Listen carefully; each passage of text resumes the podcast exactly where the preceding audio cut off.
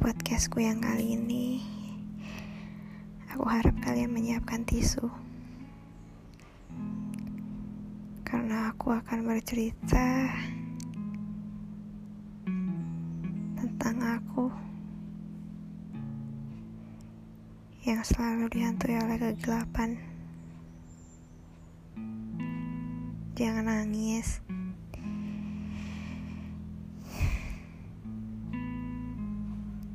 Ini hanya awal.